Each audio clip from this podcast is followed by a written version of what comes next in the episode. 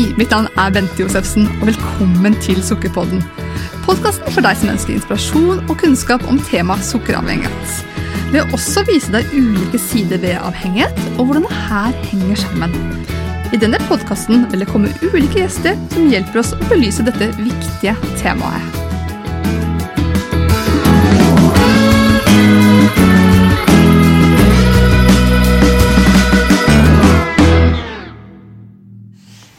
Med meg i dag så har jeg Nina Bang. Velkommen til Sukkerpodden, Nina. Takk for det. Ja, Veldig hyggelig at du sa ja til å, til å bli med. Og den ideen kom også fort til meg første gang vi pratet sammen. Denne dama her hun må jeg bare ha med meg i uh, Sukkerpodden. Kan du si litt mer? Hvem er du, Nina? Jo, eh, jeg heter Nina, Jeg er 50 år eh, og jobber som nevropsykolog. Så jeg har tatt eh, en psykologutdanning. Og så har jeg spesialisert meg i hjerne og atferd, som er en av spesial, spesialiseringene som vi har da. Så det er hjernen og hjernens påvirkning på atferd syns jeg er kjempeinteressant. Ja. Ja. Jeg har eh, mye erfaring i å omsette det eh, i eget liv, da. Eh, alt jeg vet om de tingene, da. Så jeg er veldig inspirert og er veldig motivert når jeg får snakke om kosthold og helse, og hvordan man kan påvirke hjernen på en god måte.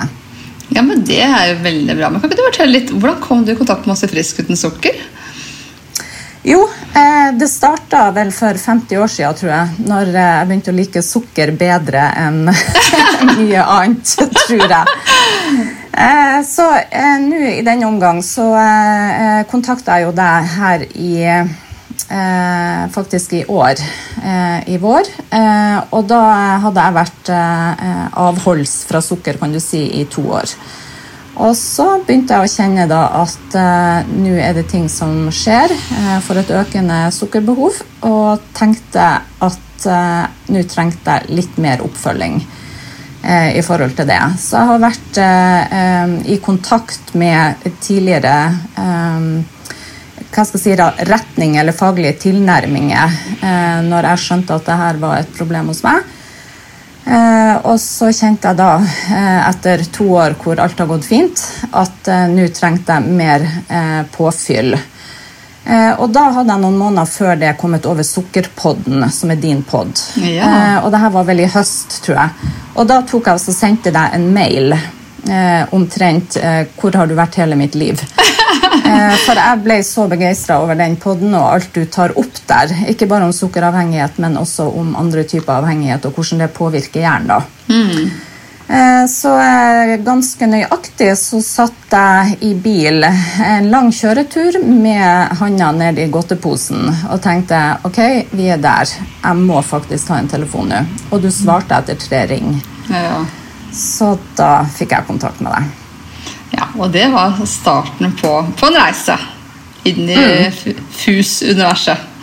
Ja. ja. Så det skal du fortsatt si, si, litt mer om etter hvert, eh, Nina. Men du, mm. var, du, var, så vidt innom det her at du, du allerede fra barnsbein av har registrert at du har eh, et kanskje kanskje annet forhold til sukker enn enkelte andre. Kan ikke du si litt mer om hvordan hva, så Med den kunnskapen du har i dag, da, hva er det du kan huske tilbake til barndommen?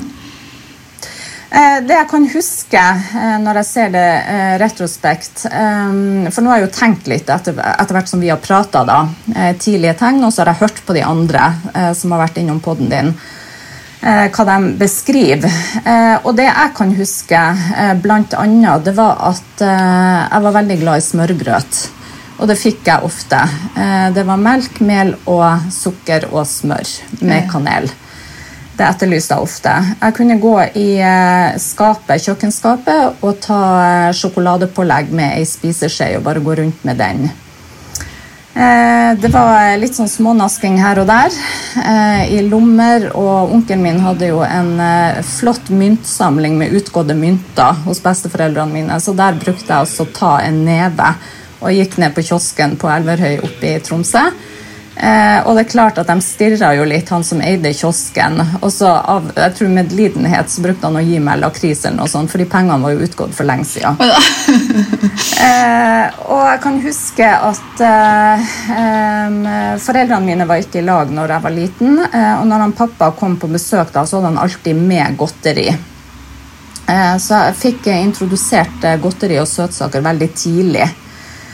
Ehm, og akkurat det der med uh, en veldig appetitt på forskjellige matvarer, det var nesten at det ble snakka om i litt sånn humoristiske termer. Uh, for jeg ble liksom aldri mett. Jeg kunne spise en hel torsk med potet og uh, løk og smør til middag. Eh, og på en måte så, så var jeg sprengmett, men jeg var ikke mett likevel. Eh, Så i fjerde klasse kan jeg huske, eh, så var vi på sånn kontroll hos helsesøster. Eh, Og jeg husker jeg fikk med meg en brosjyre, for da var jeg begynt å bli overvektig. Ja. Og, ja. Og da fikk jeg med meg en brosjyre med to bilder på. Og den ene, det ene bildet viste en brødskive med litt smør, og den andre, det andre bildet viste ei skive med mye smør. Og jeg fikk beskjed om å ta den skiva med minst smør. Og jeg tenkte på i etterkant Jeg var ti år gammel, eh, og det var helsesøstera sin eh, metode eh, for å få meg på bedre tanker. Og jeg har tenkt i etterkant at tenk om det var så enkelt. Ja, tenk om det. Hva gjorde det med deg som tiåring å få en sånn beskjed? Nei, Jeg syns det var veldig ekkelt, da. Eh, Og jeg husker jo jeg gikk inn i klasserommet med den brosjyra under genseren, da. Ikke sant? Eh, og det gikk jo rykter om at jeg hadde fått beskjed om å slanke meg. Ikke sant? Så, så det første du får da, det er jo at noe er ikke helt riktig. Ehm, og jeg vet ikke hva jeg skal kalle den ubehagsfølelsen, om det blir Eh, om du skammer deg over appetitten din, eller at kroppen din eh, er på en måte gjenstand for noe som skal evalueres. Eh, Jeg klarer ikke å sette ord på eh, det i dag, hva det der var, annet enn at det var ubehagelig. da. Eh, husker også, jeg vet ikke om du husker de kjedebrevene der du skulle sende en tyggegummi, så skulle du få så og så mange tilbake. Eh, og yes. Hubba Bubba ja. Og Hubba Bubba har jo fem stykker. Sant? Eh, Så det var jo først meninga å sende hele Hubba Bubbaen, men det som skjedde, var jo at eh, til slutt så var det bare en liten eh, del av Hubba Bubbaen som ble sendt. Ja, jeg bare sitter her og ser på denne lista mi. Det er jo helt komisk. Når jeg var 16 år gammel, da, så hadde vi en kiosk. Vi drev en kiosk. Og der sto jeg jo titt og ofte, og jeg kunne uten sertifikat kjøre ned. Det var bare en kilometer. Men ta den brune ladaen vår og kjøre ned til kiosken, eh, låse meg inn, hente godteri og en eh, videokassett, som var populært på den tida, og dra hjem og spise. Oi, oi, oi. Fri tilgang til godteri. Ja. Det hørtes eh, Ja. utfordrende ut. Veldig. Det var et eldorado. Eh, I voksen alder da, så har jeg jo sett F.eks. Så jobba jeg på et hotell en periode i 20-årene. Og jeg ble jo satt i kantina, blant annet. Eh, og så hadde jeg hybel på det hotellet som var ved siden av eh, det her matlageret. Eh, Så jeg hadde jo et stort inntak av punchboller under denne vakta mi. Og i tillegg så kunne jeg sette til livs en hel pakke kjeks da, på kveldstid før jeg jogga en mil. Og det skal sies, på den tida så var jeg veldig slank da. Og jeg vet også at man snakker om kompenserende strategier da, når man har et sånn overinntak over... Eh, av ting. Og det, det kan jeg si at eh, det var det faktisk ikke den gangen. Det var bare at jeg likte eh, både å jogge og bevege meg og syntes det var helt strålende. Ja. Så det var veldig bra at jeg likte det, kan du si da. Eh, ellers så eh, ville det jo ha blitt veldig mye overvekt på kort tid. Men bare for å vise litt eh, av eh, de her tingene som jeg har tenkt på i etterkant når vi snakker om tidlige tegn. Eh, og jeg kan også huske eh, eh, Jeg var på besøk hos ei dame med kjæresten min, det var også i 20-årene. Eh, og så kunne jeg spise et helt brød, altså kneippbrød med brunost. Og han sa jo etterpå at han syntes det her var pinlig. Ja. Eh, mens jeg var litt sånn Ja, men jeg er jo sulten.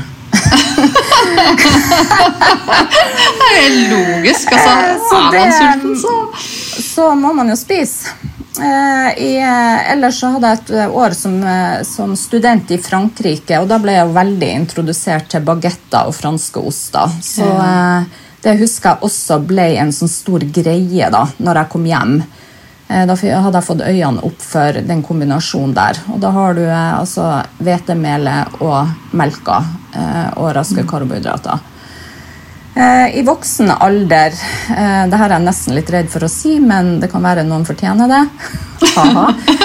eh, altså Hvis jeg har vært på kino med en date, da, eh, og man har hatt en liten eh, godtepose, eh, så har jeg egentlig bare ønska at denne filmen skulle bli ferdig, så jeg kunne komme meg hjem på Kiwi. Ja. For å innta mer. og ja, i enkelte tilfeller, ikke mange, men at Eh, at, jeg i, i, det skjulte har ønska at gjestene mine bare skulle gå, sånn at jeg kunne spise restene eh, etter desserter eller hva det er vi har hatt på bordet. Eh, så det her er jo, det er jo ingenting feil med de folkene rundt meg, men jeg har jo bare lagt merke til den her preokkuperte tanken mm. eh, som, eh, som, maten har resultert i. Da. Så fint å sette ord på akkurat det her, Nina. For det tror jeg kanskje det her mange sliter med å forstå. da, Når ikke de forstår hvor problematisk det her er, er jo hvor mm. i stor grad det her opptar tankene, hvor stor invadering det er i livet. Men da du, mm. men da du hadde disse tankene på type kino og hadde hatt besøk hadde mm. du samtidig en forståelse og innsikt at det her ikke helt var riktig anførselstegn? Eller var det så i din boble på det her at det var det mest naturlige i verden for deg at det var slik? Eh, altså, jeg har jo tenkt at, eh, at det er jo rart. Altså, vi, for eksempel så var jeg på tur i Irland eh, og tenkte jeg skulle kjøpe irsk sjokolade og ta hjem til folk. Eh, og det forsvant jo på hotellrommet ikke sant, før jeg fikk satt meg på flyet. Og det er klart at Når du har en sånn atferd eh, Jeg har fått beskrevet i etterkant eh, andre som har hatt det likedant. Eh, og da skjønner jeg jo at det her er jo faktisk mer vanlig enn uvanlig mm. eh, for oss som har de her utfordringene. Eh, så det, det, jeg kan si, det er vel at jeg har ikke Altså, Jeg har lagt merke til at det har vært sånn, men jeg har ikke visst hvilken merkelapp jeg skulle putte på det. og jeg har tenkt at andre holder jo ikke på på denne måten. Jeg klarer i hvert fall ikke å se det, og i så fall så er det ingen som snakker om det. Mm. Så, så, det har jeg lagt merke til. Jeg har sett det her, og så har jeg vært usikker på hvordan skal jeg ta det. Eh, og da når du eh, googler litt og skjønner at sukker skal man være måteholden med, og at det er mange som liker det, og man kan ta bare litt, eh, så skjønner du at du er i den kategorien som liker sukker. Mm. Eh, og jeg ser jo det er flere som eh, De kan ta en tvist, og så er de ferdig med det. Men det der gjaldt aldri for meg, da. Mm.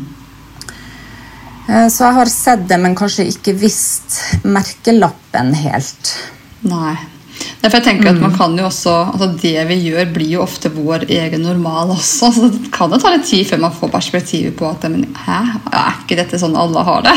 Så mange går jo mm. den tro mm. at det, det, er helt normalt. da, Lang tid. Ja, ja visst. Og i hvert fall eh, når eh, retningslinjer, nasjonale kostholdsretningslinjer eh, er mer at ja, man liker søtt, men man skal ikke ta for mye. Altså mm. Ergo så er premisset at det her kan du gjøre, eh, men du skal ikke ta for mye. Eh, og eh, hvis du tar for mye, så er det noe du gjør feil. Mm. Ikke sant? Så egentlig så, så, blir det en sånn Eh, altså det blir et signal om at det her er noe du bare skal regulere.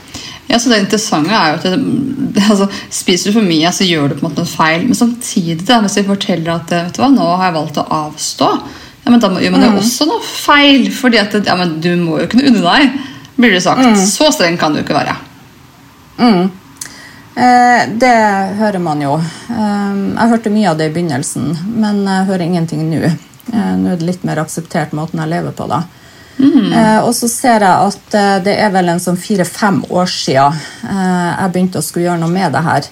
Og jeg ser at mye har endra seg bare på de årene i forhold til en mer bevissthet. Eh, altså Bare allergenhyllene er jo veldig mye mer eh, utforma nå på butikker enn tidligere, f.eks.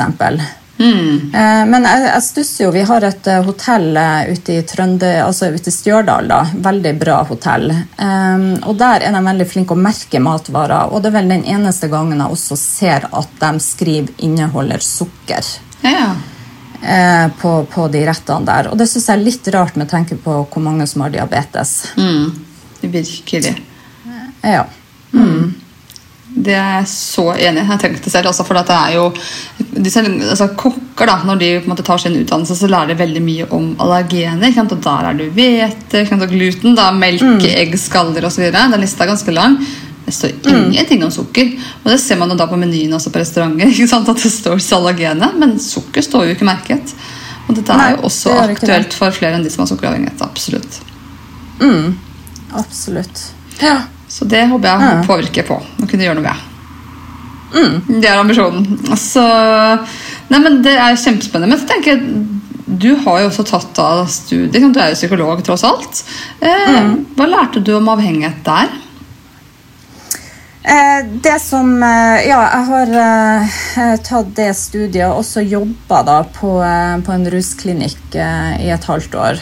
Ja. Eh, og det primært eh, som, eh, som det går i da, det er jo egentlig narkotiske stoffer, alkohol og den type ting. Spilleavhengighet, eh, selv om ikke jeg kom borti dem, da.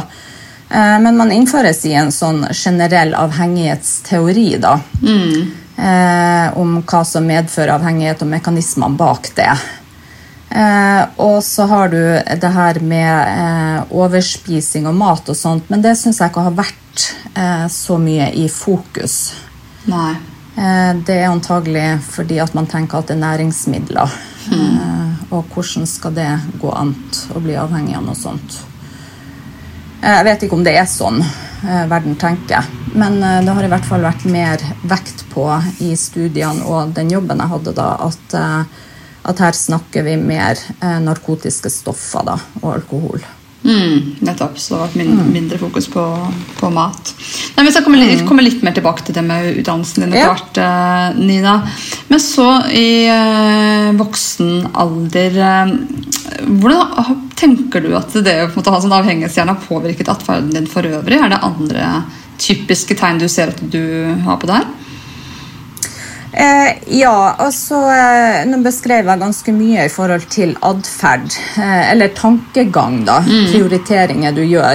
Eh, jeg husker jo en gang så kjørte jeg med eh, sønnen min, jeg lurer på om han var sikkert syv år, eh, fra en campingplass til en døgnåpen bensinstasjon tre mil unna klokka ni på kvelden Ja. eh, for å kjøpe sjokolade. ikke sant? Og sånn er jo atferden. Eh, at du kjøper eh, mye, du legger mye merke til tilbudsskilt osv.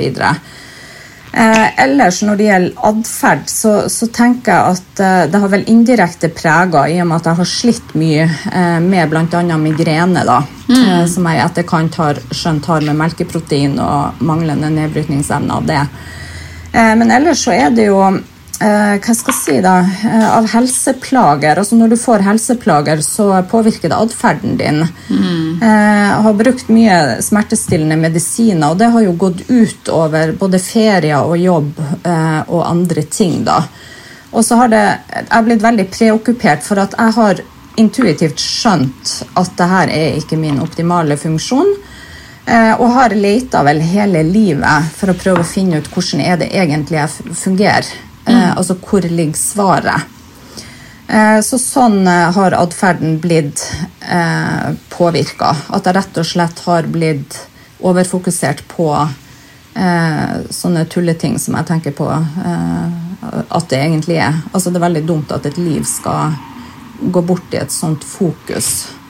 Eh, så, som ja, går på å behandle seg sjøl for helseplager og lure på hva du skal spise neste gang. da.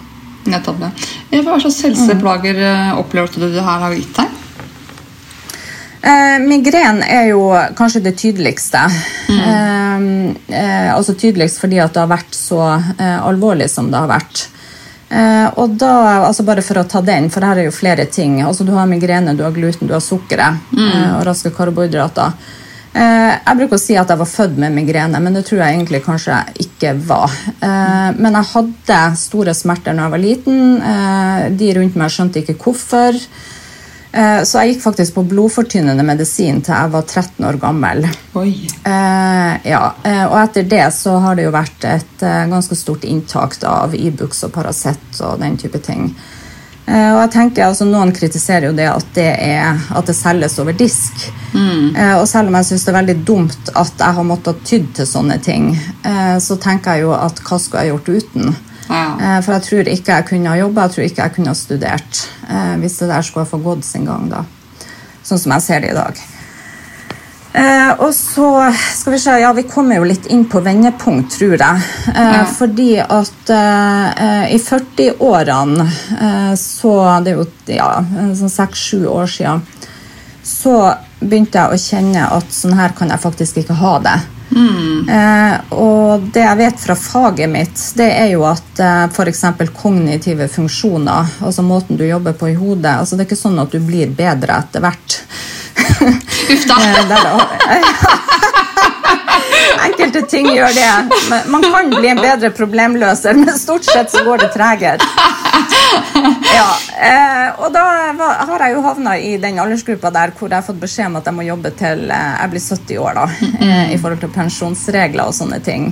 Eh, og da hadde jeg 25 år igjen i arbeidslivet. Når jeg begynte å tenke på det her, og da tenkte jeg det kommer ikke til å gå. Eh, og jeg er en veldig livsglad person. Eh, jeg elsker jobben min, og jeg elsker å, stort sett prøve eh, det meste. Altså Jeg liker å prøve nye ting, og da har jeg planer om de neste 40 årene. Men jeg så jo at eh, her må jeg faktisk gjøre noe, for nå klarer jeg ikke å mobilisere mer. Eh, og det man gjør da eh, når man er yngre, det er jo at eh, du kan håndtere det meste, både av allergener og helseplager og eh, dårlig konsentrasjon og alt det her. Men vi ser i mitt fagfelt annet, eh, så er det en del utbrente folk eh, som kommer i 40-50-årene, og da er det slutt på mobiliseringskreftene, faktisk. Ja. Altså Da har man ikke mer å gå på. Eh, og jeg lurer på om jeg begynte å kjenne på eh, den reduksjonen når jeg så for meg fremtida. da. Eh, så det som jeg gjorde eh, Antagelig så har det vært et, et forferdelig migreneanfall, det tror jeg faktisk. Eh, hvor jeg bare i etterkant har tenkt at det her, sånn kan jeg ikke ha det. Ja. Eh, Så jeg tok kontakt da med Heksebergklinikken, Sofie Hekseberg. Ja, jeg samarbeider jo med det. og, Yes. Eh, og vi prøvde en sånn eh, eliminasjonsmetode. eh, Hvor jeg fortalte om både væskeansamling, migreneplager, allergener og alt det her. Overspising. Og så sa vi prøver å eliminere. Og først så tok vi alt av karbohydrater. da. Og det merka jeg jo at appetitten gikk ned. ikke sant? Det ble lettere å være med i kroppen min. Ikke så svingende blodsukker og alt det der. Men hodepina besto. Mm. og jeg har aldri tenkt at melk hadde noe med det å gjøre. For jeg har alltid tenkt at melk er protein, og det tåler vi. Ja. Eh, og eh, så prøvde vi eh, ei uke uten melk, eller det var tre uker vel. Men de tre første dagene det er de verste jeg har vært eh, borti. Altså, for å si det litt delikat, eh, det var utløp eh, begge veier. Oh. Eh, jeg var mye på do. Jeg hadde den kraftigste hodepineplagen eh, som jeg har hatt noensinne. Og jeg kasta opp eh, og hadde Ja, det, det var veldig tøft, altså. Eh, og da når jeg fortalte det da til Sofie, så sa hun at det høres ut som du hadde en veldig avgiftningsprosess. ja, virkelig. Men hadde, du, hadde, men hadde du brukt mye meieriprodukter? Bare for å spørre om det, siden du fikk så kraftig sånn? Jeg elska det. Ja, okay. Ja. Mm. fr franske oster, og det gikk eh, smørgrøten, som jeg sier, ikke sant, og der her. Eh, sjokolade. Eh, og har jo da i etterkant sett på bl.a. Reichelt forskning, og forskning ellers for øvrig eh, internasjonalt, som nå da går på at eh, det er ikke alle som klarer å bryte ned eh, melkeproteinene. Og klarer man ikke det, så kan det skape en ruslignende effekt eh, i hjernen. Eh, og da apropos avhengighet. ja. Ikke sant? Mm. Veldig. Ja. Eh, så, så det har jo vært en øyenåpner. Altså fra, jeg må bare si det, fra 40 til 50 det har vært mitt beste tiår. ja. Fantastisk! Jeg har skjønt så mye. Uh, ja. Eh, så, så da var eh, migreneplagene mine nå er vel redusert med en sånn 70 bruker jeg å si. Ja. den kan komme av og til. Bruker nesten ikke smertestillende i det hele tatt. Fantastisk, Nina. Eh, og veldig mye mer våken, og, og overspis ikke sånne produkter, ikke sant? Eh, fordi at det, det er bare sånn det er. Altså suger vekk. Og kan jeg bare si, ja. Hvis jeg kan bare si, skyte inn noe som kan være litt interessant for lytterne, er jo at eh, når vi snakker om en sukkeravhengighet, så er det ikke bare det rene hvite sukkeret som man finner i godteri osv., men det er jo også Mm. andre raske karbohydrater som alt fra korn og mel, ikke sant? Søtningsmidler, søtningsmidler, men også at noen da kan reagere på meieriprodukter, ikke sant? Eh, som du har vært innom her, så bare for å oppklare det. Så har man en Mm. sukkeravhengighet, så kan meieriprodukter være problematisk, men det er ikke sånn at vi anbefaler alle å ta det bort fra dag én med mindre man har fått påvist at man ikke tåler det. Men det er noe man Nei. ser på etter hvert om det er en trigger for den enkelte. Men så er det de som uavhengig av om det er avhengig til vilje eller ikke, som faktisk ikke bryter ned melkeproteiner uansett. Og da vil man jo kunne merke en så stor forskjell på helsa med å ta bort meieriprodukter. Så vi har jo veldig mange i vårt selskap Frisk uten sukker som bl.a. blant annet som deg har lidet, altså hatt slitt med voldsomme migrener og som ikke klarte å jobbe engang. Og tatt bort meieriproduktene, og så har det sånn bare ikke sett noe til migrenen siden. ikke sant? Men det er klart å ta bort noe Nei. mer også, men det er kanskje er siste brikken da, ikke sant? for å få det til å virkelig Ja. Mm. Eh, eh, apropos eh, den forståelsen man har, eh, og de innsiktene man får etter hvert, eh, så er det jo sånn da at det, det er jo omtrent eh, 70% av eh, verdens befolkning som ikke eh, profitterer på melkeprodukter. Eh, men her i landet så er det jo sånn at melk og brød må du ha eh, for å få i deg eh, viktige næringsstoffer. Eh, og eh, nå har jeg en onkel, eh, en veldig flink eh, naturfagsperson som har kunnskap om det meste. Eh, og vi er flere i familien som reagerer både på gluten og melk. da. Eh, og vi kommer jo fra eh, Vi har finske aner. Mm. og hvis man går langt nok tilbake i tida, så ser man at de her kom da. Det var jo folkevandring fra Østen. Eh, og der er det jo flere som ikke eh, greier å bryte ned eh, melkeprodukter. Eh, og de kom over eh, Russland og Finland, og de stammer vi fra, da. Ja. Eh, og det var også en sånn eh, øyenåpner når jeg begynte å eh, ja, fundere i de termene, da. Eh, for å prøve å finne noen sammenhenger. At jeg er nok en sånn type som ikke Jeg er blant eh, de syv av ti som ikke profitterer på melkeprodukter, men i Norge så har ikke det vært nesten tillatt å tenke tanken engang. Nei. Eh, sånn som jeg ser det. For at jeg har eh, ja, hva skal jeg si da, ligget og kasta opp i 40 år, og ingen har stilt spørsmål. Ganske, det er ganske utrolig. Ja, eh, ja, ikke sant. Eh, så apropos, jeg tenkte på det eh, før jeg skulle prate med deg, at eh, er det noe som er mest vemodig, eh, så er det jo akkurat det. Men jeg er jo veldig glad eh, for at jeg har funnet det ut. Eh, for at livet blir jo bare bedre og bedre. Det gjør det. Og det er klart at Mange opplever det jo kanskje trist i starten. Det kan være overveldende å måtte kutte ut ting. Men det er sånn, når man på en måte gir det en ærlig sjanse og er villig til å gi den altså, Prøve det ut, da. Så er det jo så mange som får sånne store aha-opplevelser. Og da kan man jo si at jo, det er godt med ost, men er det så godt at det er verdt å ha migrene, for eksempel, som altså, ødelegger livet? Så det er noe med Ja. å gi det en sjanse. Det skulle jeg ønske var flere som gjorde. Eh, jeg merker jeg prater meg nok bort, for nå har jeg kommet inn i eh, iveren her. Det, Eh, jeg holder tråden. ja, ja, veldig bra. Eh, for at det er noe med, med de um, vendepunktene, ikke sant? Og der kommer jo både karbohydrater og gluten inn, da. Altså sukkeret. Eh, så for min del, eh, for noen år siden, så, så var det altså det at sånn her kan jeg bare ikke ha det. Altså prisen ble for høy. Ja. Eh, det var ikke verdt det lenger. Og da, som du sa, da søkte du da hjelp hos eh, Sofie Hekseberg, og da kom dere et Ja. godt stykke på vei, høres det jo absolutt ut som. Eh, Veldig bra. Yes, det var fint. Absolutt. Men så er det den der brikke, siste brikken med, med avhengighet. Altså de kanskje ikke hadde den Mm. oppmerksomheten på den gang da. eh, For dette her er noen år siden, er det ikke? Jo, eh, i, skal vi se, jeg lurer på om det er um, for fire-fem år siden. Ja, stemmer. Ja. Ja. For det var i 2019 vi begynte å opprette en dialog, og da da de også fikk vært eh, fra meg på hvordan de også kan skrine mennesker. altså sånn sannsynlig på noe. Det kan være sukkeravhengighet, så de også Ja, vi, vi lærer mye av hverandre, rett og slett, og det er utrolig fint.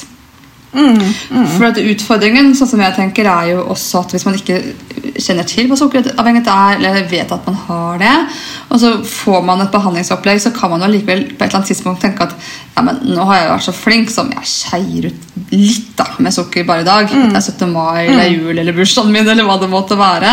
Så skjønner man på en måte ikke hva det kan resultere i. da. Så kan du si litt mer om det for din del, Nina, da du på en måte la om, og så hva skjedde videre egentlig? Ja, eh, Det som skjer videre, eh, er jo altså når du får vekk det ene, ikke sant, så begynner du å lure på hvilke andre ting som henger, eh, henger igjen. da. Eh, For at alt var jo, altså Jeg hadde jo fått redusert eh, mye av smerteproblematikken. eh, Men jeg kunne fortsatt ikke forstå det her, hvordan jeg kunne være så mett uten å være mett. Ja. Eh, er, når er jeg ferdig å spise eh, godteri? Eh, og jeg ble jo ikke ferdig. Eh, og da eh, eh, var det jo også en, en, ja, et par år etterpå eh, Jeg tenkte liksom ja, eh, det å kutte karbohydrater er jo en fin ting. Eh, det kan man jo godt gjøre. Eh, og så er det noe med å vokse opp i et samfunn da, eh, som sier at måtehold i forhold til sukker skal være mulig. Eh, og og da, eh, da vil du sjøl ikke stille egentlig noe spørsmål. Du, du vil tenke at Men det her er jo forska på. Eh, det bør jo være mulig. Og så gå masse på Grete Rode-kurs eh, for å spise kontrollert. Eh, og eh, i hvert fall eh, lang historie kort.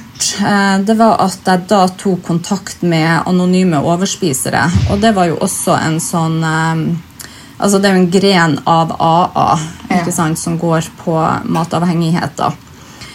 Eh, og det var kjempenyttig på mange måter tenker jeg i forhold til at eh, man fikk faktisk et opplegg, og eh, man behandler det som en reell ting. Eh, så det jeg lærte gjennom det, da, det var jo å sette opp liste. Hva er matvarer som du reagerer på? Mm. og det var jo veldig lett egentlig å se. Altså det var gluten, eh, sukker, altså det vil si raske karbohydrater, og melk. Ja. Altså det er ingen tvil om at, eh, at mitt matsug har bestått av de tre eh, variantene der. Eh, og så eh, Først husker jeg eh, hos sponsoren min sa at eh, det her skal du holde deg avholds fra. Og da tenkte jeg at eh, du er jo gal. Det går jo ikke an. Eh, og jeg har jo tenkt da, i, Du har jo også sagt at 80% av de matvarene vi kjøper i butikken, er tilsatt sukker eller består av sukker. Eh, og jeg brukte en tre-fire måneder eh, på å gå igjennom eh, alt av oppskrifter, google masse, få mye informasjon. eh, og sondere terrenget når det gjaldt mat. Eh, og fant ut at jo, det går faktisk fint an. Ja. Eh, men du må lage deg en basis. Det var sånn jeg gjorde det. Eh, og da, da eh, begynte jo for det første det her med, med sukkersuget å forsvinne. Eh, jeg vil bare si matsug, ikke sant? for du kan få en hunch på bananer uten at du vil kalle det eh, sukker. ja, brød. Eh, ja, ikke sant? Eh, og da, da, da kjente jeg at eh, veldig mye av systemet roa seg. Det jeg også hadde merka, det var jo eh, mye sånn kløe på huden. Eh, om det er gluten eller melka, det vet jeg ikke. Eh, mye trøtthetsbyger eh, og de her evinnelige væskeansamlingene eh, i kroppen. Jeg kjente på legger, f.eks. Eh, og eh, da har jeg snakka med fagfolk eh, som sier at, det er, at det, ja, lymfesystemet er ikke så eh, veldig effektivt hos meg. Eh, sånn at jeg samler lett, og det kroppen liker minst når man har sånne her typer lymfesystem, det er stivelse. Ja. Ikke sant? Så jeg har jo hatt perioder hvor jeg ikke har fått på meg skisko, for eksempel. Altså fordi at det har væskeansamling i ankler og legger. Eh, så, så det er jo eh, Altså, jeg har en følelse av å ikke ha forstått kroppen min i 45 år, kan du si. ja, tenkte jeg. Eh, så ja, så, så det med Og det kan jeg jo fortelle. altså Det her blir jo skammens podkast. Men jeg forteller nå bare som det er når jeg sitter her. Eh, fordi at eh, rett før jeg tok kontakt med de her anonyme overspisere, eh, så var jeg på ferie med ungen min. Vi var i Sverige. Og da tenkte jeg at det her må gjøres noe med. Igjen, tenkte jeg det. Så jeg hadde tre runder på det, da. Og da tenkte jeg, men inntil da så Nå skal jeg bare la det stå til. Nå skal jeg bare se hva som skjer hvis jeg ikke regulerer, hvis jeg bare spiser etter lystprinsippet. Hva du vil, i anførselstegn. Ja. Ja. Eh, og det ble stygt. Få høre de da, få høre de tallene. ja, skal du høre? Det var jeg og Poden som var på familiebesøk i Sverige. Eh, og så eh, Da hadde jeg en avtale med HS-sponsorene eh, dagen etter vi kom til Norge, på telefon. Eh, og det var da noen dager til. Så vi kjørte mot grensa. Vi var på vei hjem. Og der, eh, før grensa, så lå det jo en kjempestor svensk forretning med alt mulig. Eh, og der, altså, du har jo de her eh, godtebutikkene, godteavdelingen som er som en fotballbane. Og så tenkte jeg at ok, men jeg kjører på. Legger ikke bånd på meg, og eh, nå bare spiser jeg. Nå skal jeg se mitt naturlige jeg, da. Eh, når man er så eh, sugen på ting. Eh, og, det, og det er jo komisk. Jeg klarer å se det komiske i det. Og eh, sønnen min bruker å si 'Mamma, du spiste to kilo på én dag'. Stemmer det, eller? Eh, jeg håper ikke det, for det vil jo si ti svære sjokoladeplater. Er det ikke det? Jo. Nei, 20. Ja, ti, Ja. så det en stor er vel to Ja. gram. Mm. Ja. Eh, men uh, i hvert fall så satt jeg Kanskje vi må bare stryke hele episoden her, Bente. Uh, vi får høre etterpå hvordan det høres ut. Men jeg satt med skistoddels i den ene, ene handa eh, og telefonrøret i den andre. Altså, hadde en ledig telefon også, for jeg tenkte, jeg så for meg skistol så smågodt, liksom.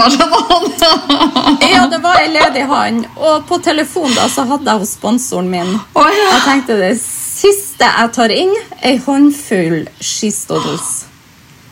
ja. Men da var det stopp i to år. Da var det stoppet to år. Ja. Og det var helt fantastisk. Eh, og det var jo i den tida jeg faktisk eh, begynte å trene, fikk meg en kostholdsplan og stilte i fitnesskonkurranse. Tenk deg det, du. Chille med fitnesskonkurranse. Ja. Det er, eh, dette er kult. Ja, jeg syns det er veldig kult. Eh, når jeg var 30, så var jeg full av migrene, allergener, medisiner og veide 100 kg. Så det har skjedd litt de siste fem årene, da. Ja, det får Ja. se. Men eh, hva var det som gjorde at du eh, da fikk behov for å ta kontakt med oss i Frisk uten sukker? For noe må jo skjedd da etter det igjen. Ja, det stemmer det. Eh, det som er interessant, eh, det er jo at, eh, at etter denne runden, når jeg fikk avdekka både melk, gluten og sukker mm. som mine triggere, så har jeg vært mindre konsentrert om karbohydrater. For da har jeg tenkt er det sånn at det går kanskje greit. Jeg har hele tida trodd at jeg har vært en lavkarbotype. Men nå viser det seg at det er jo ikke det jeg eh, reagerer på sånn allergimessig. da. Eh, og da i kjølevannet av det, altså når du kutter ut eksempel sjokolade, så tar du gjerne potetgull. Jeg har aldri vært en potetgullspiser, men det ble på en måte et slags sånn substitutt. da, eh, Fordi at eh, ja, det her noe må man ha, osv. Eh, og jeg har heller egentlig aldri vært veldig sånn at jeg må ha potet eller må ha ris eller må ha spagetti. Men nå ble jo det plutselig et alternativ. Eh, for jeg tenkte kanskje at jeg hadde ja, bare overvurdert hvilken betydning karbohydrater skal ha. Eh, og på privaten så har det eh, vært litt sånn uh, uavklarte eh, forhold, kan du si, da. Eh, som har tappa meg litt i forhold til, til energi. ikke sant? Så, så du blir litt sånn trøtt underveis.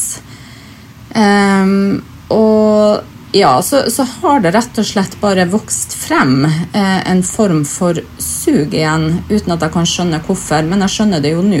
Ja. Eh, når jeg vet hvordan raske karbohydrater eh, påvirker hjernen med dopaminutskillelse og alt det her. Eh, så, så da eh, Det har vel Ja, det siste halve året så har jeg vel merka en sånn tendens hos meg sjøl. Eh, og den tendensen var borte eh, veldig lenge, sant? så jeg merker når det blir en endring igjen, da.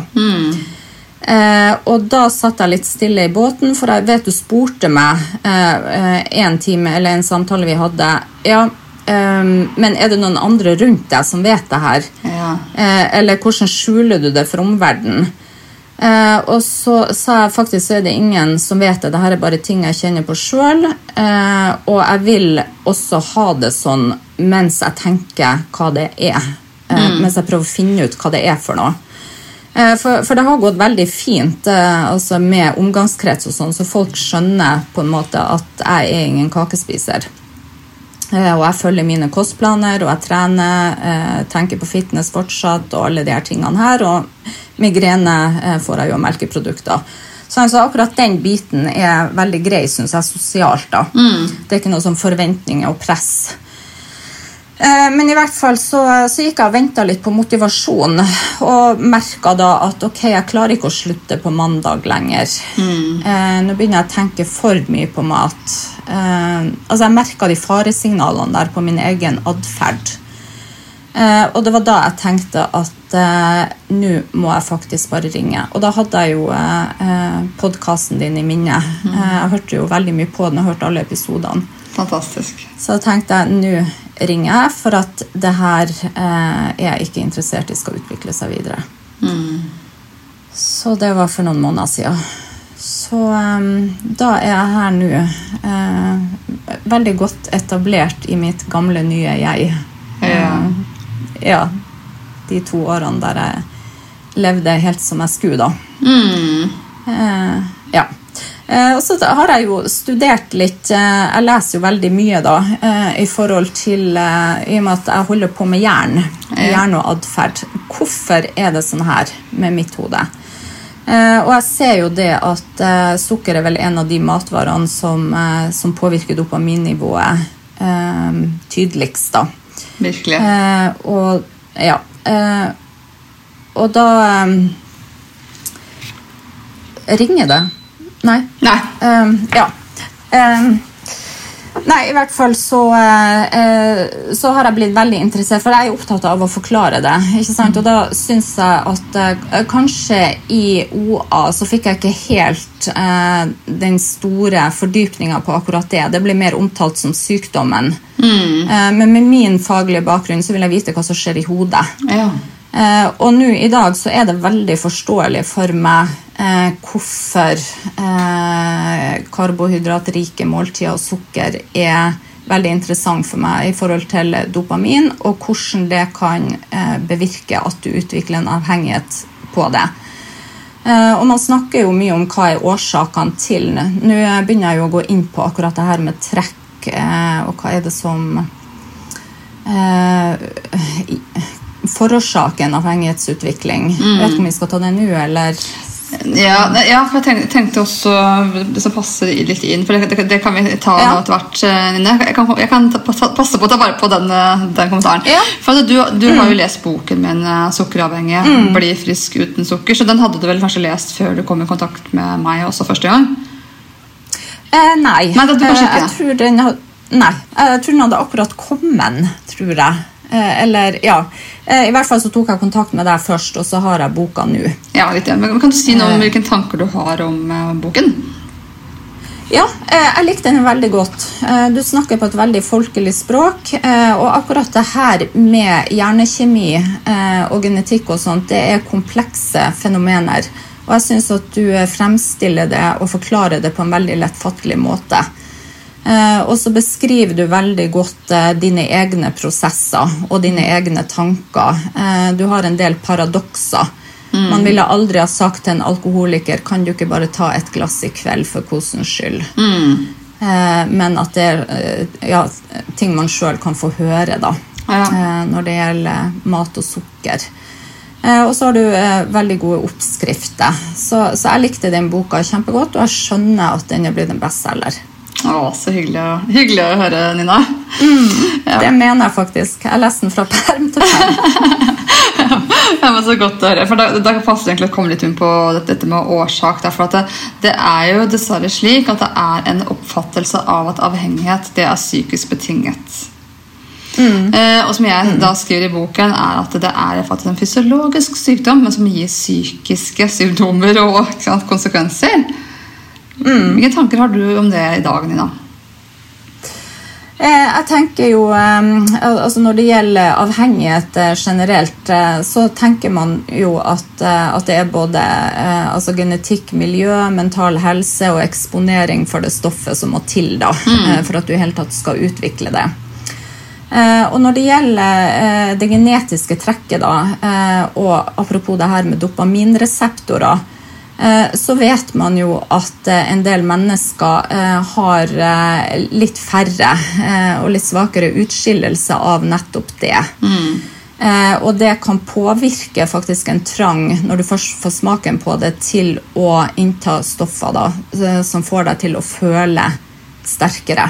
Mm. Eh, og det er jo narkotiske stoffer, men det kan også være mat og andre typer ting. Da, som, eh, altså Du har jo klassisk betinging også her. ikke sant? Når potetgullposen knitrer, mm. eh, og følelsen av de flakene som detter ned i skåla. Mm. Eh, eh, og hos rusmisbrukere så kan rushet komme idet nåla penetrerer huden. Mm. ikke sant? Så, så, det er sånn viktige ting å tenke på. da. Eh, Uh, ja. Uh, i, i, hvert fall så um, um, Skal vi se hvor vi var nå. Uh, ja, tanker om hva, hva, som får folk til å utvikle en avhengighet. da. altså Det man ser da i, i forhold til altså jeg tenker Dopamin er jo et, et nøkkelhormon i utviklinga av det. Mm. og man ser jo at, at uh, en del folk som har um, den her um, hva skal jeg si, dopaminubalansen. Uh, det er jo f.eks. folk med ADHD som sliter med uh, impulsivitet, mm. sensation seeking, behov for adrenalinkick og den type ting. Mm. Uh, ja, uh, for så kom jeg over et eksperiment som jeg syntes var veldig uh, spennende. Hvor det var 32 stykk uten rushistorikk.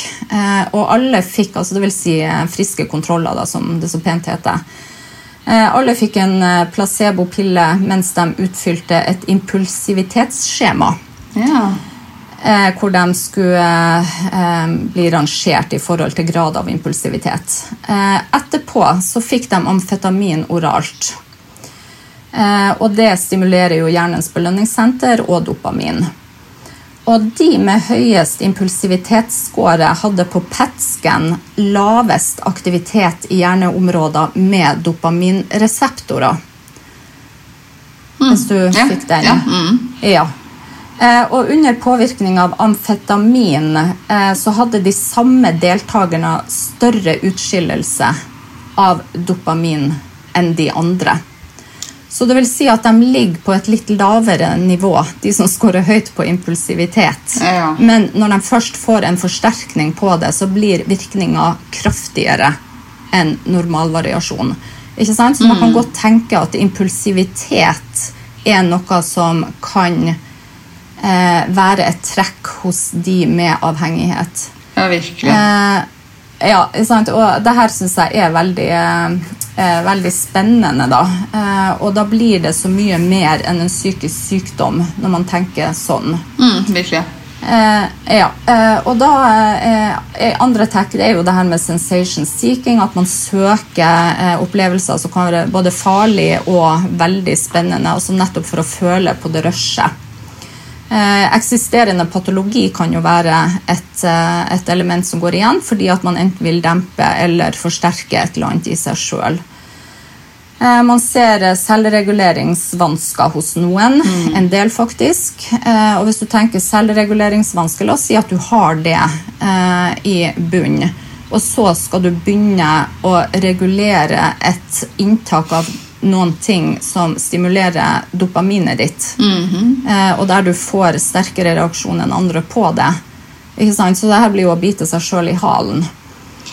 Eh, og det som også er interessant i forhold til de hovednervebanene for dopaminutskillelse altså Den går jo direkte til eh, områder som har med kognisjon og belønning og følelser og atferd å gjøre. Mm. Så, eh, og de områdene det er jo gjerne eksekutive funksjoner. Så du har en veldig sterk følelse og trang etter noen ting. Mm. Eh, og så har du jo også da, si da, en lett forstyrrelse eh, i de områdene som krever dopamin, for du har ikke like sterkt eh, like god utskillelse som andre, og det vil jo også påvirke eh, den funksjonen i forhold til å regulere seg, igangsette nye ting, problemløsning, eh, stoppe når det er dumt å fortsette osv.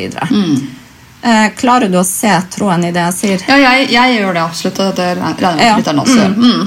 Veldig interessant. Ina. Absolutt, for Det er jo det, nettopp det som er utfordrende, at man forventer, forventer at folk skal kunne ta seg sammen og kontrollere det hele. Ikke? Altså man da har kombinasjonen av den fysiske, fysiologiske responsen i, i belønningssenteret når det gjelder bl.a. utskillelse av dopamin, i kombinasjon med at man har en dårlig impulskontroll. Da. Så er det Ja. jo ikke forutsetningen det beste for å gjøre noe med dette selv. Nei, ikke sant. Eh, også når det gjelder dopamin, så har vi eh, fem eh, typer av det. Og de har jo funnet ut at et av de her typene, eh, D4, da Altså hos alkoholikere så er det på en bestemt måte, og da ser man at de er sånn at de påvirkes, påvirkes veldig mye mer av hva andre drikker. Mm. mens de som ikke har det her dopaminet på samme måte, eller eh, eh, ja, denne reseptortypen da på samme måte, eh, de vil være sin egen regulering. Nei, nå har jeg fått nok. Ikke sant? Eh, så bare for å si at her er veldig mye genetikk i bildet. Eh, og det tenker jeg er veldig viktig. Da, for at du spurte meg innledningsvis eh, hvilken konsekvens har det for mitt fagfelt for eksempel, når man skal behandle avhengighet. Jeg tenker det er veldig viktig eh, både å finne ut er det matintoleranser f.eks. eksempel Er det andre ting som gjør at eh, f.eks. dopaminutskillelsen ikke virker? Er det underliggende Ja, det kan være andre psykiske sykdommer som gjør det her. Altså, veldig viktig å skjønne den biokjemien. Ja, absolutt. Eh, og det er jo der også, jeg vil bare dra inn det her med epigenetikk. Eh, ikke sant, At du har eh, genetikken, men så har du epigenetikk, og epi det betyr da over. Altså overgenetikken. Eh, og det vil da si at du kan utsettes eh, via miljøpåvirkninger og medikamenter eh, for visse ting, og da vil du få et annet genetisk uttrykk på et vis. da. Ja. Fordi du har forløst eller ja, satt i sving noen ting. Eh, og jeg vet at det er en del som jeg snakker med som, som sliter med overvekt, som kan si f.eks.: Ja, men det er bakteriene i tarmen Ja. eh, sin feil. Eh, og da vet jeg, for det her så en dokumentar om da på, på Discovery, at det kan godt være det, men de bakteriene vil endres. Bakteriefloraen vil endres hvis du endrer kosthold. Absolutt. Så, ja, så det er ikke noe punktum der. Det bare komma. Ja, for, for hvorfor er det, hvorfor det har ja, hvorfor har man problemer med bakteriefloraen? Ikke sant? Det er noe med det. Så først Ja, ikke sant? Og jeg, jeg husker i min tid eh, Guilty Pleasure, når jeg så på Dr. Phil på TV, eh, og så var det et barnebarn der som var veldig, veldig tjukk.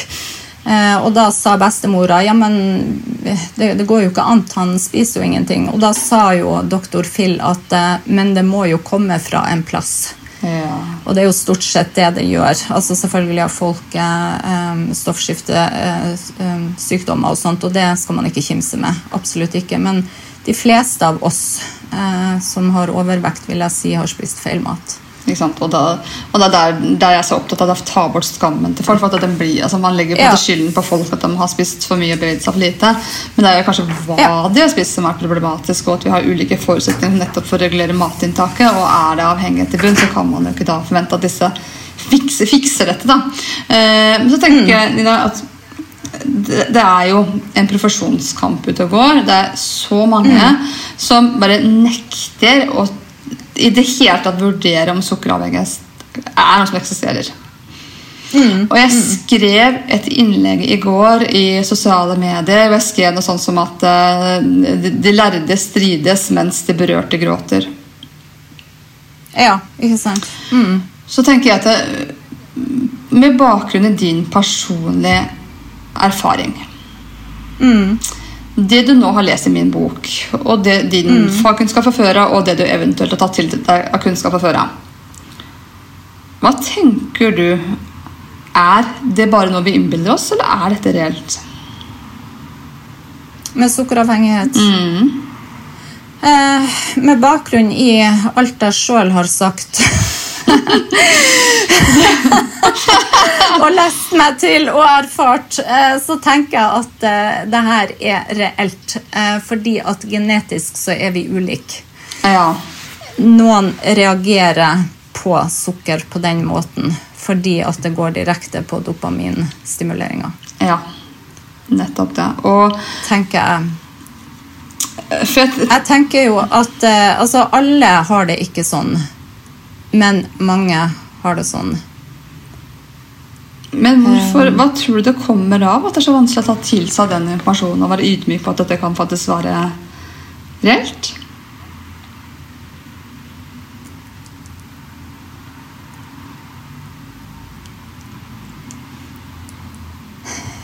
Ja, det er ikke godt å si. Eh, Jeg tror det får såpass store ehm, Kanskje sosiale konsekvenser. Altså, jeg, jeg tror folk ikke liker tanken på å bli fratatt noen ting. Sant? Eh, og det jeg syns er litt synd, det er jo at det har Altså det med allergener og fokus på det eh, av noen blir sett på som en slags sånn moteting. Ja, man kan jo ikke spise noe, alt er jo farlig. Ja. Eh, og at eh, sukker blir eh, ja, et nærings, ernæringsmiddel eh, på linje med andre ting.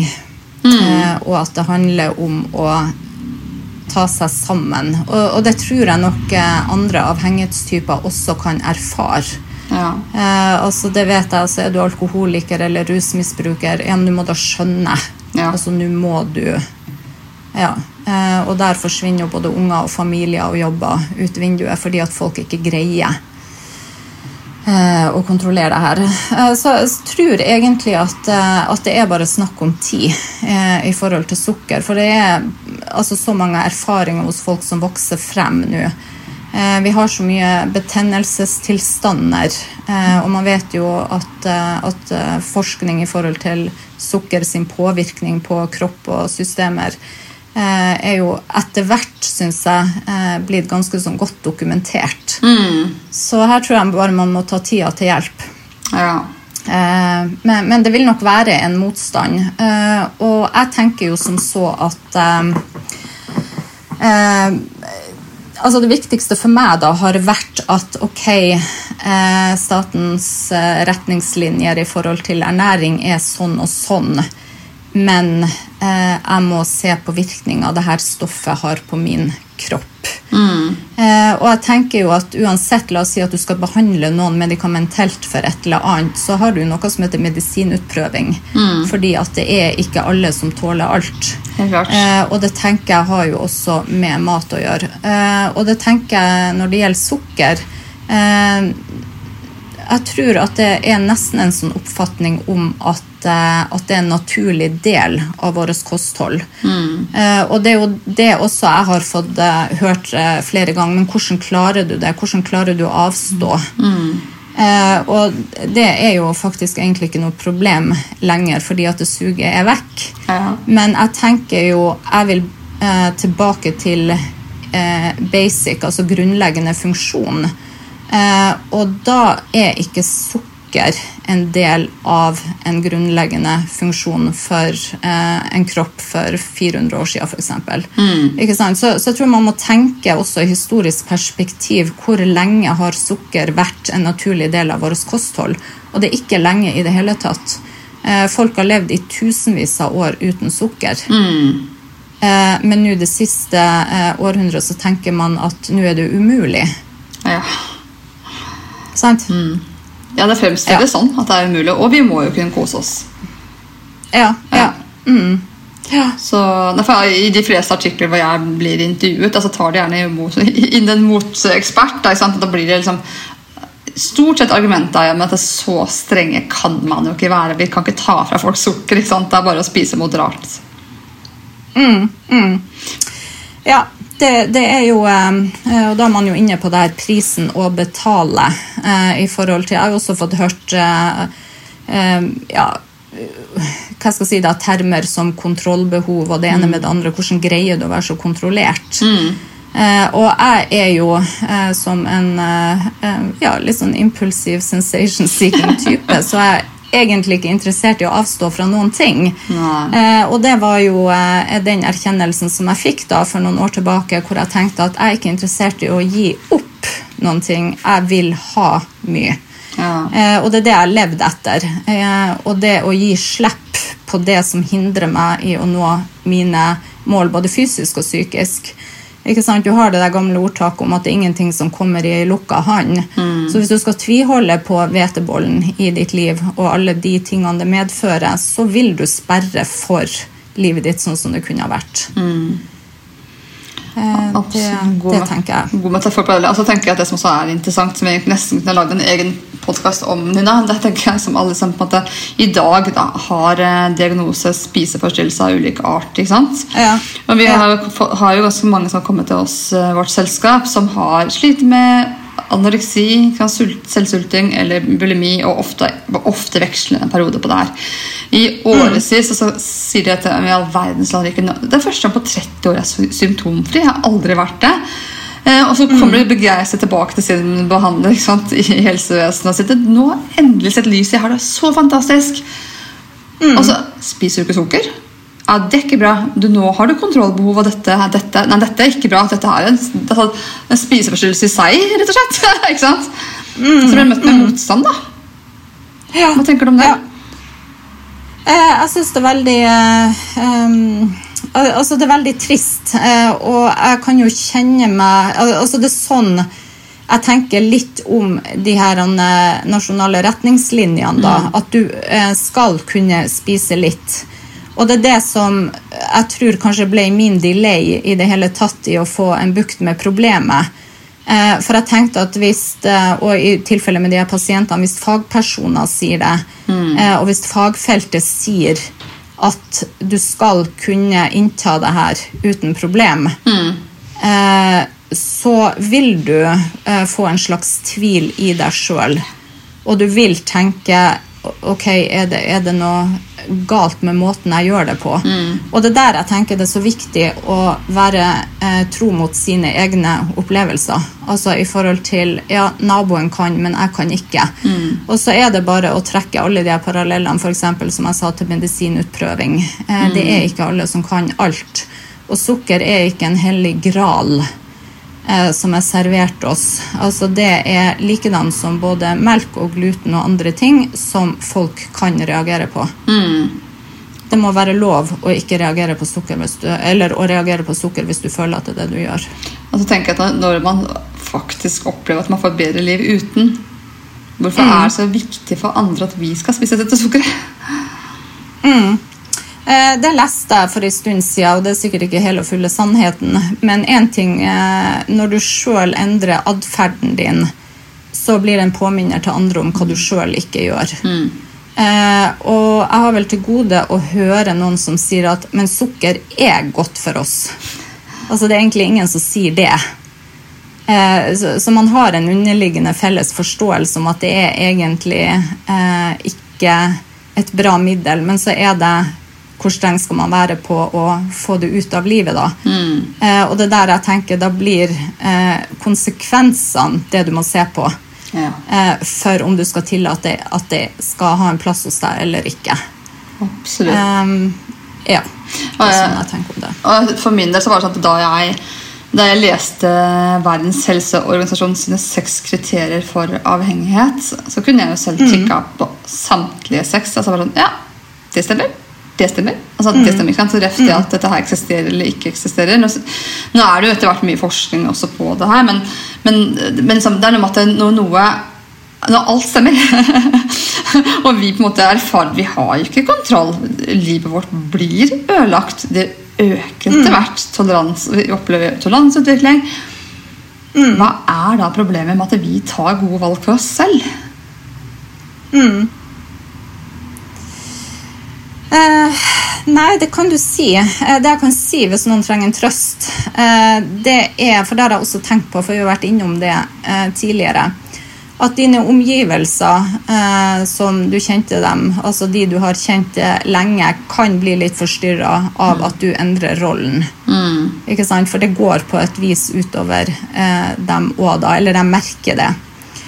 Eh, etter en stund så vil det her være akseptert. Det er sånn som jeg opplever det. Eh, og de nye du treffer, vil aldri stille spørsmål. Nei.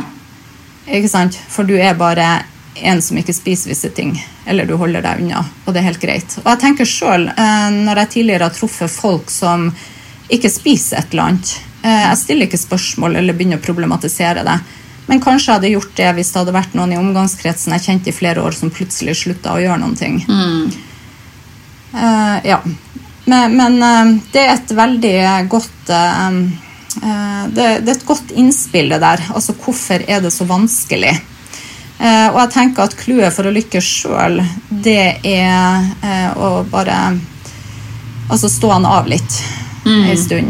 Det her spiser jeg ikke, og sånn er det. Og jeg ser jo eh, i denne FUS-gruppa på Facebook så snakker du også om hva skal man si.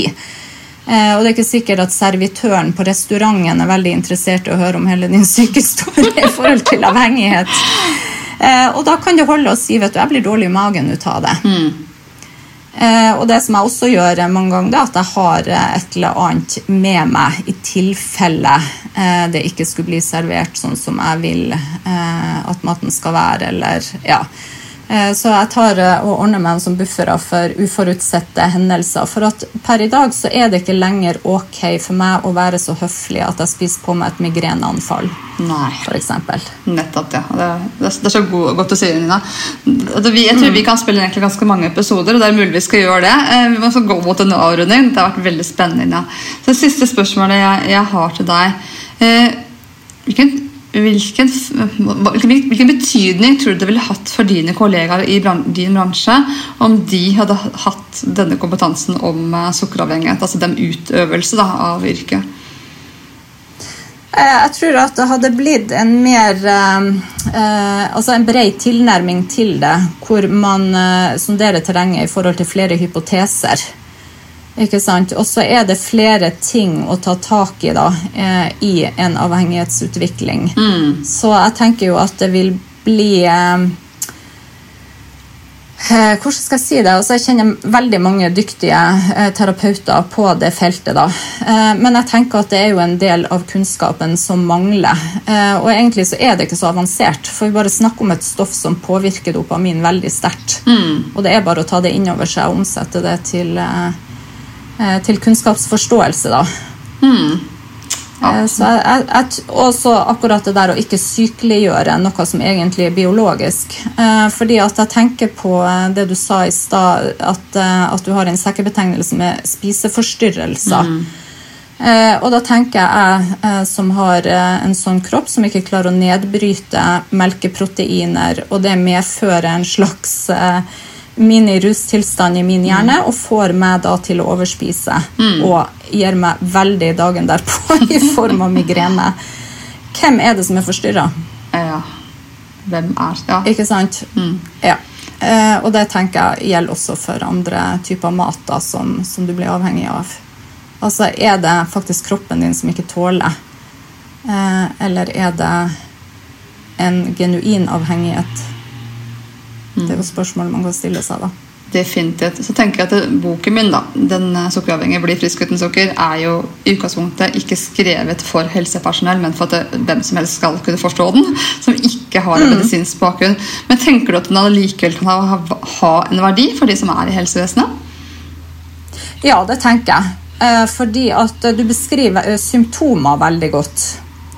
Ikke sant? Og du beskriver forklaringsmodeller veldig godt. Så uansett så vil de komme borti folk som har den opplevelsen du har. Eh, og som du beskriver om i boka.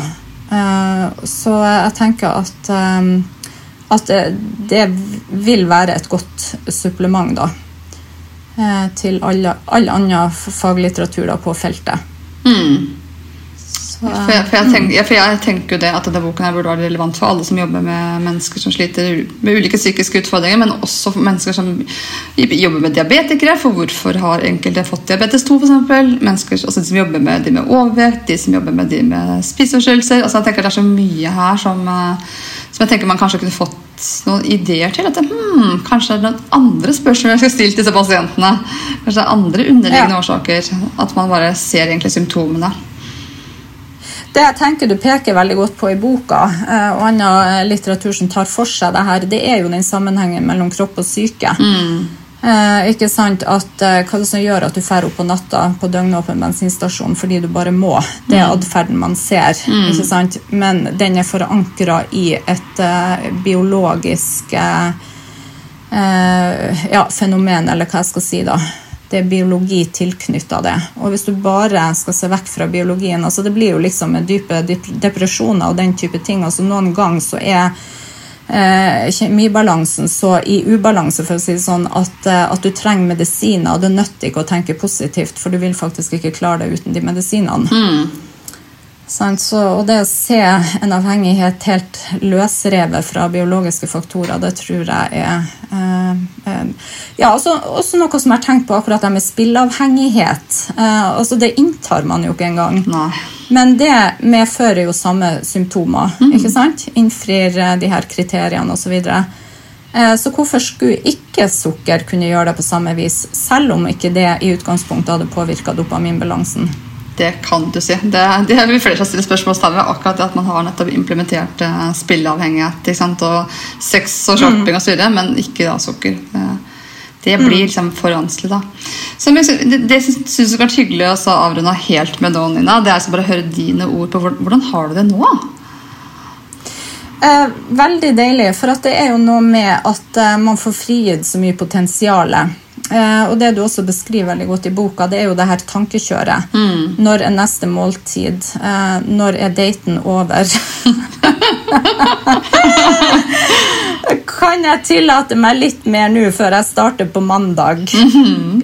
hva, hva, kan jeg spise i stedet for? Ja. Ikke sant? Altså den her letinga etter, eh, etter løsninger eh, i form av ulike måter å spise på eller tenke på eller hva det måtte være, det, det er faktisk borte. Så du får frigitt veldig mye energi, og du får bedre fokus til andre ting, da. Eh, sånn at livet er faktisk veldig ok. Sa med et smil. veldig, veldig bra. Og du ser veldig godt For jeg ser deg, det gjør ikke lytterne, men jeg kan bare bekrefte at du ser faktisk Du, du stråler. Ja, takk for det. Eh, jeg håper vi kan ta en, eh, en, episode til, for da kan jeg fortelle deg litt om psykologiske mekanismer for å nå dine mål. Ja. Det er en av mine store drømmer. Ja. Da, da, tar vi det del to. Jeg tipper at etter at lytterne har hørt episoden, så kommer de til mer til Nina, vi vil ha mer! Å, jeg håper det. Jeg stiller villig opp. Ja. Hvis du har lyst på mer inspirasjon, så kan jeg på det varmeste anbefale min bok 'Sukkeravhengig bli frisk uten sukker'. Boken får du overalt hvor man selger bøker, men jeg kan bl.a. anbefale ark.no. I denne boken så lærer du om hva sukker gjør med kroppen vår, og hvorfor i all verdens rike har det kommet sukker i så mye som 80% av matvarene vi i dag får kjøpt på butikken. I tillegg så er det en del som handler generelt om avhengighet, hvordan all avhengighet henger sammen. Enten så kjenner vi noen, eller så kjenner vi oss litt trofødt selv. Så er det en egen del om sukkeravhengighet, og faktisk den første norske boken som beskriver det her på en god måte.